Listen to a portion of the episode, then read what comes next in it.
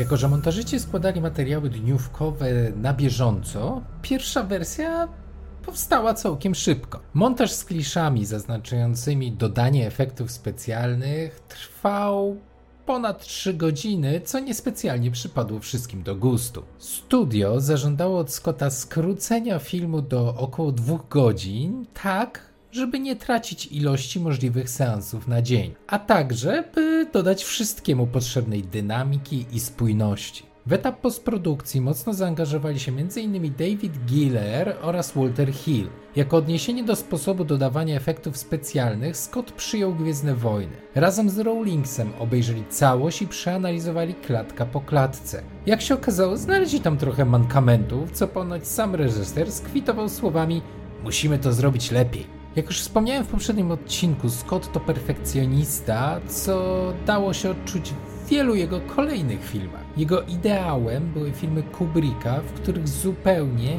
nie miał się do czego przyczepić i taki efekt chciał właśnie osiągnąć. W trakcie postprodukcji reżyser ciągle coś zmienił, a to kazał przemalować Nostromo z żółtego na jednak szary, przez co wszystkie dotychczasowe ujęcia statku, które kosztowały kilka miesięcy czasu, trafiły do kosza i trzeba było je nagrać jeszcze raz, a to podczas zdjęć ujęcia statku były nieostre i trzeba było robić duble do dubli. W pewnym momencie był on już tak sfrustrowany, że chciał wysłać materiał do obróbki przez ILM w, w USA. Jednak tutaj mocno postawili się Anglicy i powiedzieli, że oni to dokończą i tak zrobili. Kolejnymi scenami było nakręcenie na nowo momentu z komnaty z jajami. Zaangażowano do tego dublera Johna Herta, a ruch wewnątrz jaja wykonywał sam Scott, który włożył rękę w rękawiczce i delikatnie falował ukrytymi w nimi krowimi żołądkami. Sam efekt wyskoku facehagera na twarz Keina wykonano za pomocą węża ze sprężonym powietrzem i niewielkiego ładunku wybuchowego. Kolejnego dnia na dokrętki ściągnięto Bolaj Badejo, by dograł sceny zabicie postaci Parkera,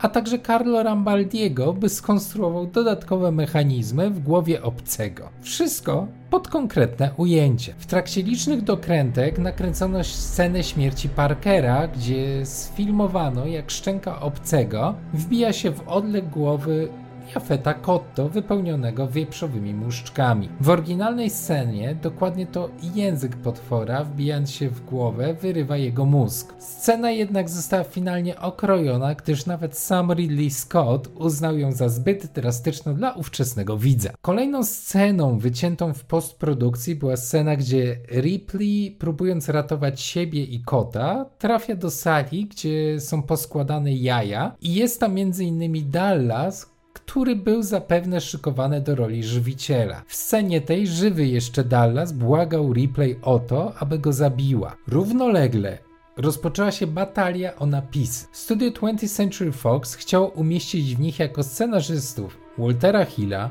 oraz Davida Gillera. Wszystko na podstawie pomysłu Dana O'Banona i Ronalda Shuseta, co nie spodobało się twórcom pierwszej wersji scenariuszy. O'Bannon postanowił wysłać oficjalną skargę do gildii scenarzystów oraz 20th Century Fox, domagając się przywrócenia go jako pełnoprawnego scenarzysty do pomysłu, który stworzył wraz z Shusetem. W piśmie mocno atakował Hilla i Gillera, podważał wielkość ich wkładu w finalny wygląd filmu. Niewiele przed pokazami premierowymi gildia wydała werdykt. Dan O'Bannon był jedynym scenarzystą na podstawie pomysłu swojego i Shuseta, co oznaczało, że zarówno Walter Hill oraz David Giller powinni zostać wykreśleni z napisów jako scenarzyści. Hill złożył apelację, a Ridley Scott miał stwierdzić, że nieuczciwym jest powiedzenie, że oni nic nie wnieśli, bo przepisali masę materiału. Sąd arbitrażowy podtrzymał jednak decyzję pierwszej instancji. Decyzja była nieodwołalna. Hill w kilku wywiadach opowiadał, że nie ma żalu do Obanona, ale jest zawiedziony wykreśleniem swojego i Gillera nazwiska. Jeśli ktoś spyta mnie o moją prywatną opinię,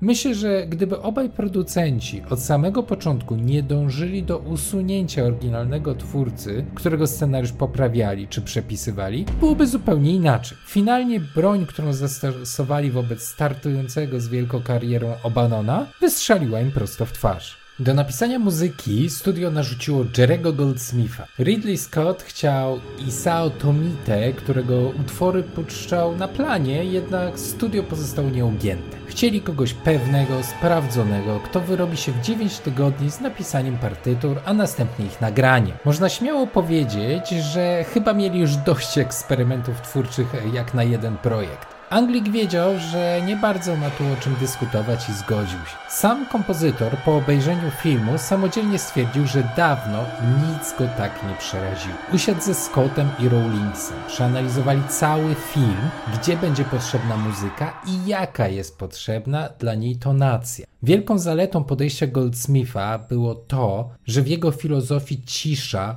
jest również elementem muzyki i zupełnie nie bał się jej wykorzystywać. Jako autor muzyki do Omenu miał też doświadczenie w horrorach i on sam wyłożył Scottowi, że czasem właśnie ta cisza jest czymś bardziej przerażającym. Sam kompozytor twierdził, że w całym filmie kibicował stworowi, po postaci bohaterów uważał za ordynarne i autentycznie nie wzbudzały one jego sympatii. W czasie postprodukcji dokrętek na planie pojawiało się wiele osób wysyłanych przez studio. Byli pisarze, którzy pisali książkę o powstawaniu filmu oraz ci, co zajmowali się napisaniem powieści na podstawie scenariuszy. Pojawili się również rysownicy, którzy mieli zająć się stworzeniem powieści graficzne. Studio 20th Century Fox przysłało również ludzi, którzy mieli stworzyć napisy początkowe do filmu. Na szczęście zarówno oni, jak i Scott byli zgodni w tym, żeby były one inspirowane twórczością Saula Bassa, legend, który za pomocą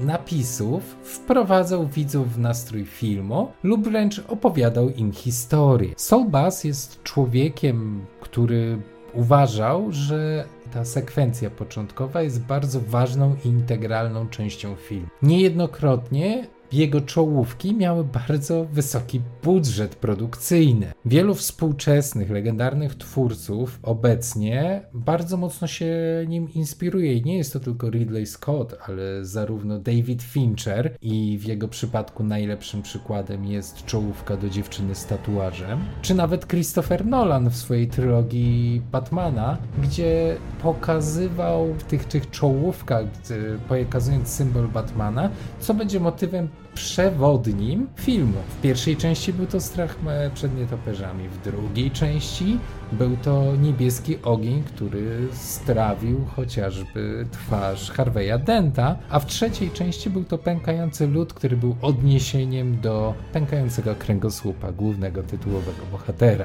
Wracając jednak do obcego. Przysłani przez studio twórcy razem ze Scottem wpadli na pomysł, by napisy pojawiały się częściowo i bardzo powolnie, co miało wprowadzać widza w lekkie zdenerwowanie i niepokój tym, co się wydarzy na ekranie. Czy wyszło jak zakładali?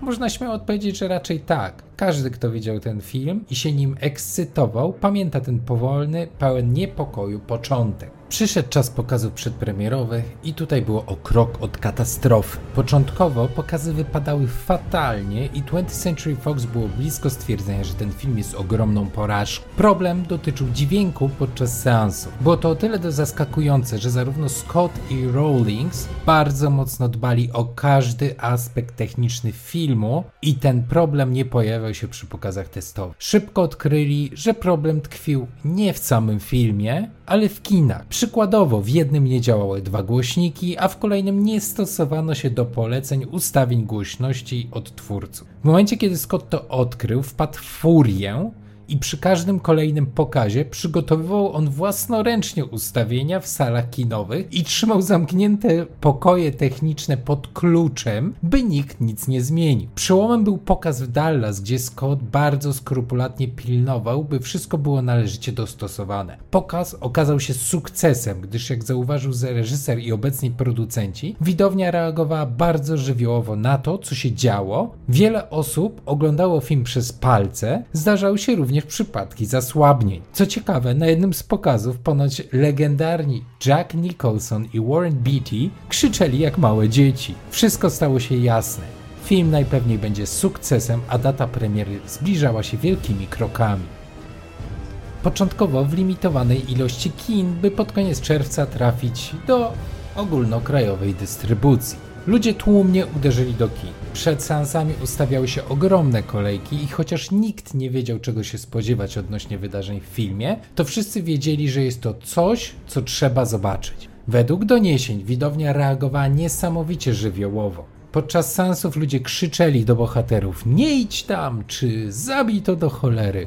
Wiele seansów miało się kończyć owacjami na stojąco. Po pierwszym weekendzie wyświetlania film miał na koncie 3,5 miliona dolarów, co było absolutnym rekordem. Ridley Scott wspomniał, że po premierze filmu zadzwonił do niego sam Stanley Kubrick, dopytując, jak nakręcili scenę z Chestporsterem. Dzieło wywołało masę reakcji, niektórych bardzo skrajnych. Podobno pod jednym z kin podpalono kosmicznego jokeja, czyli wizerunek kosmicznej cywilizacji, którą można było zobaczyć tuż przed sceną, gdy postać Keina odkryła jaja. Zabawnym jest to, że podpalili go fanatycy religijni, którzy myśleli, że obcy jest dziełem szatana. Odbiór filmu przez krytyków był różny. Wszyscy oczywiście doceniali walory realizacyjne oraz to, że film potrafi przestraszyć. Jednak wielu zarzucało mu brak zwykłych ludzkich emocji i człowieczeństwo u bohaterów. Co ciekawe, od samego początku Dan O'Bannon mówił, że nie miał na celu przekazywania treści, a po prostu chciał przestraszyć ludzi i nic więcej. Kropka. Klasycznie krytycy nie potrafili przyjąć filmu takim, jakim jest, tylko zarzucali mu brak wszystkiego tego, czego twórcy w nim nie chcieli. Fani jednak byli zachwyceni i tłumnie przychodzili do kin. Oczywiście wszystko mimo głosów obrażonych krytyków. Did you know that this was an R-rated movie when you brought him? Yes, we did. Are you sorry you brought him? Yes, I am. Are you glad you saw it? Yeah. Are you sorry, sir, that you brought your son along to see Alien? No, ma'am, I think he should have seen it. It's something that he needs to know that things could like that could happen in life. That could be a true story, based on you know science. Science. We, we, we never know what's going on on the outside of the world. Never spoke. Did the movie scare you at all? Yes, ma'am, it did. We, we take him to see a lot of horror pictures and things like because we're we we like horror movies. We're horror buffs, I guess. Would you recommend to your little friends who are your age to go see it? uh, no, I wouldn't. Sam film bił rekordy i doskonale radził sobie w box office, mimo kategorii R w kinach oraz konkurencji takich filmów jak Rocky 2 czy Moonraker będącego kolejną częścią Bonda, a także Ucieczka z Alcatraz z ulubionym aktorem USA, czyli Clintem Eastwoodem. Co ciekawe, Obcy w dużej mierze był uważany za film angielski, ze względu na osobę reżysera, kilku aktorów, jak i sam fakt, że był kręcony w tym kraju. To jest coś, o czym bardzo boleśnie przekonał się kilka lat później James Cameron. Dodatkowo obcemu udała się niesamowita sztuka, jaką były większe wpływy z biletów na wyspach od Moonrakera, czyli najbardziej angielskiego bohatera Jamesa Bonda. Mimo mniejszej ilości seansów i najwyższej kategorii wiekowej, gdyż w Anglii film miał kategorię X. Biorąc to pod uwagę, Obcy był niesamowitym sukcesem na wyspach. Biorąc pod uwagę zarobki w kinie, a potem na VHS, gdzie przez długi czas był na pierwszym miejscu wypożyczeń i sprzedaży, film był ogromnym sukcesem. Oczywiście raporty producenckie i legendarna księgowość Hollywood wykazywały stratę, przez co ani Shusett, ani O'Bannon nie dostali dodatkowej kasy, gdyż mieli zagwarantowany udział w zyskach netto. Natomiast Giller i Hill, którzy mieli udział w zyskach brutto, również nie otrzymali swoich czeków, gdyż, jak wspomniałem wcześniej, dzieło oficjalnie przyniosło straty. Finalnie okazało się, że film zarobił brutto 104 miliony dolarów na całym świecie, a batalia o te pieniądze miała się jeszcze długo ciągnąć. Przez lata Obcy wychowywał sobie rzesze fanów i finalnie przyniósł 20th Century Fox masę kas. Po premierze Ridley Scott miał mówić, że jeśli będą chcieli zrobić drugą część i go zaangażują, to będzie się starał rozwinąć historię też tej drugiej cywilizacji, czyli wyjaśnić genezę owianego tajemnicą kosmicznego Jokeja. Siedem lat później film powstał, ale bez udziału Scotta. Stworzony został przez Jamesa Camerona i wielu twierdzi, że przebił on pierwszą część na każdy możliwy sposób. 33 lata po premierze Obcego Ridley Scott wrócił do tego świata ze swoim Prometeuszem, który oczywiście swoje zarobił, ale nie był to film najlepiej przyjęty przez fanów. Potem był jeszcze Obcy Przymierze, który był filmem po prostu bardzo złym według fan, ale nie najgorzej przyjęty przez krytykę. Obcy w swoim czasie wygrał masę nagród, chociażby Saturna dla najlepszego filmu science fiction, czy za reżyserię, a także Oscara za najlepsze efekty specjalne, pokonując takie filmy jak Czarna Dziura, Czas Apokalips, Star Trek 1941 czy Moonraker. Był to niesamowity sukces filmu, w którego realizację początkowo nikt nie wierzył. Był też niesamowitą trampoliną do wielkiej kariery dla wszystkich, dając światu Ridleya Scotta, który wyreżyserował masę świetnych filmów, dopóki nie postanowił wrócić do świata obcego. Sigourney Weaver, która stała się mega gwiazdą. Obanon i Shusett, którzy później stworzyli kolejny klasyk, a mianowicie Pamięć Absolutną, czy Błękitny Grom. Film rozsławił także Hansa Rudolfa Geigera, którego prace są niesamowite i niespotykane, chociaż oczywiście nie dla każdego, a także wielu innych twórców od efektów specjalnych czy scenografii. Dzieło pokazało, że twórcy science fiction zasługują na wielki szacunek i obok Gwiezdnych Wojen była to wielka rewolucja w kinach. Po obcym decydujące starcie w reżyserii Jamesa Camerona, a potem określanym jako produkcyjne piekło Obcym 3, Jean-Pierre Genuet nakręcił na podstawie scenariusza Jossa Whedona niezbyt dobrze przyjętą część czwartą, a mianowicie Obcy Przebudzenie. Po tym wszystkim James Cameron i Ridley Scott spotkali się na lunch i uznali, że stworzą razem Obcego 5. Cameron miał być scenarzystą, a Scott reżyserem. Nieszczęśliwie 20th Century Fox zabiło franczyzę na jakiś czas, kręcąc tragicznej Aliens vs Predator i Aliens vs Predator 2. To wszystko sprawiło, że Kanadyjczyk zupełnie stracił zainteresowanie tą serią. Jeśli ktoś mnie spyta, uważam, że szkoda, bo to było, mogło być naprawdę świetne, gdyby Scott z Cameronem połączyli siły. Obcy odbił swoje piętno w historii kina, ale też popkultury. Postać Ellen Ripley jest uważana za jednego z największych twardzieli w historii kina, a sam Obcy stał się tematem wielu komiksów czy też gier. W tym też wspomniany crossover z Predatorem, który filmowo zupełnie się nie udał, ale jako komiksy. Postać Machiko no Gucci, nie ukrywam, jakby ktoś się za to sensownie zabrał, to mógłby być początek pięknej franczyzy, a gdyby Karen Fukuhara ją zagrała, byłbym absolutnie szczęśliwy. Niestety, patrząc na to, jak w ostatnim czasie zmieniły się prawa do postaci i tak naprawdę przeszły prawa do obcego i predatora do Marvela, raczej nie mamy co liczyć na to, by nagle ktoś dostał zgodę na kręcenie filmu na podstawie komiksów Dark Horse. Jak idzie o same gry, robiłem wiele podejść i są w dużej mierze świetne. Jednak wstyd się przyznać, że żadnej nie przeszedłem w całości. Czemu? Z prostej przyczyny. Kurewsko boję się obcego i nadal jak go oglądam, to raczej z zapaloną lampką, odczuwając solidny niepokój. To koniec drugiego sezonu Cinematic Gamer i opowieści o powstawaniu pierwszej części Obcego. W następnym sezonie pora powrócić do przyszłości i poznać historię kryjącą się za niesamowitą ponadczasową przyjaźnią Marty McFly'a i Doka Emmeta Browna. To był Chewie i Cinematic Gamer. Do następnego.